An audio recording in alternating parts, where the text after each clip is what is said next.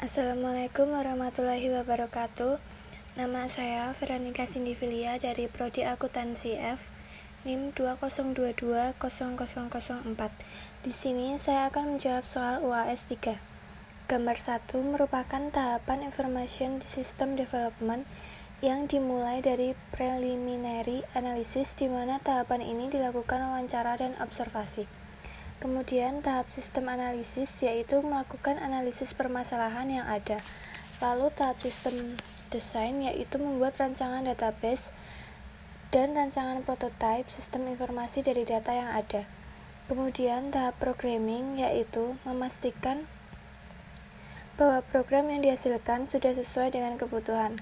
Lalu tahap testing atau pengujian yaitu dengan menjalankan aplikasi atau program dan dilihat apakah ada kesalahan atau tidak.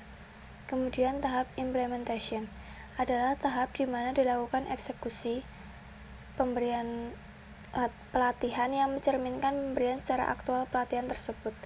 Lalu yang terakhir tahap maintenance yang merupakan tahap di mana aktivitas untuk menjaga fasilitas dan peralatan agar senantiasa dalam keadaan siap pakai untuk melaksanakan produksi secara efektif dan efisien sesuai dengan jadwal yang telah ditetapkan dan berdasarkan standar fungsional dan kualitas. Gambar 2 merupakan fase metodologi pengembangan aplikasi cepat yang terdiri dari tahap pertama yaitu requirements planning. Fase ini setara dengan pertemuan perlingkupan proyek. Tahap kedua user design setelah proyek dicakup, saatnya untuk langsung terjun ke pengembangan membangun desain pengguna melalui berbagai iterasi prototype. Tahap ketiga, construction. Fase ketiga ini penting karena klien masih dapat memberikan masukan selama proses berlangsung. Mereka dapat menyarankan perubahan atau bahkan perubahan ide baru yang dapat menyelesaikan masalah saat muncul. Tahap 4, cut over. Ini adalah fase implementasi di mana produk jadi akan diluncurkan. Ini mencakup konversi data, pengujian, dan peralihan ke sistem baru serta peralihan pengguna. Gambar ketiga, plan. Untuk menggambarkan apa yang ingin kita dapatkan seperti salinan laporan, pesanan, atau potongan informasi yang dikumpul, dikumpulkan sangat penting direncanakan. Kemudian kolaborat dengan desain di tangan, tim internal kemudian berkolaborasi untuk mengirimkan prototipe sesegera mungkin. Jika kita belum memilikinya, maka siapkan situs web untuk proyek tempat build harian dapat diunduh atau dilihat. Kirim tangkapan layar untuk mendapatkan umpan balik. Yang terakhir, deliver. Bagian sulit adalah membatasi setiap versi hanya pada fitur yang telah disepakati. Kemudian, berikan serangkaian fitur uji dan dapatkan umpan balik, lalu kembali ke daftar fitur untuk melihat apa yang seharusnya ada di rilis berikutnya. Pendekatan ini juga memungkinkan pengguna akhir menentukan kapan mereka memiliki nilai yang mereka butuhkan dan hanya membayar fitur yang benar-benar mereka butuhkan. Gambar 4 merupakan siklus build, measure, learn.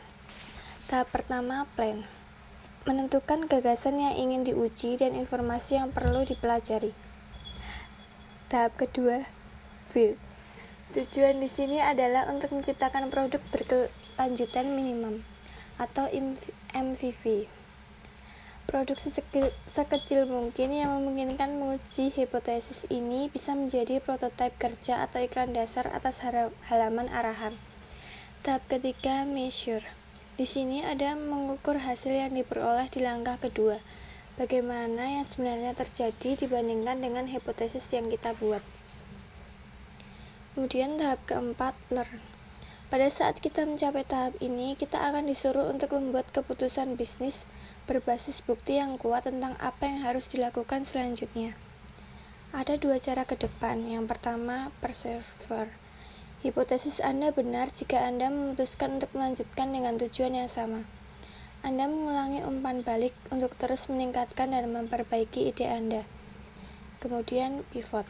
Eksperimen telah menyanggah hipotesis Anda, tetapi Anda masih memperoleh pengetahuan berharga tentang apa yang tidak berhasil. Anda dapat mengatur ulang atau mengoreksi kursus Anda dan mengulangi perulangan. Menggunakan apa yang telah Anda pelajari untuk menguji hipotesis baru dan melakukan eksperimen yang berbeda.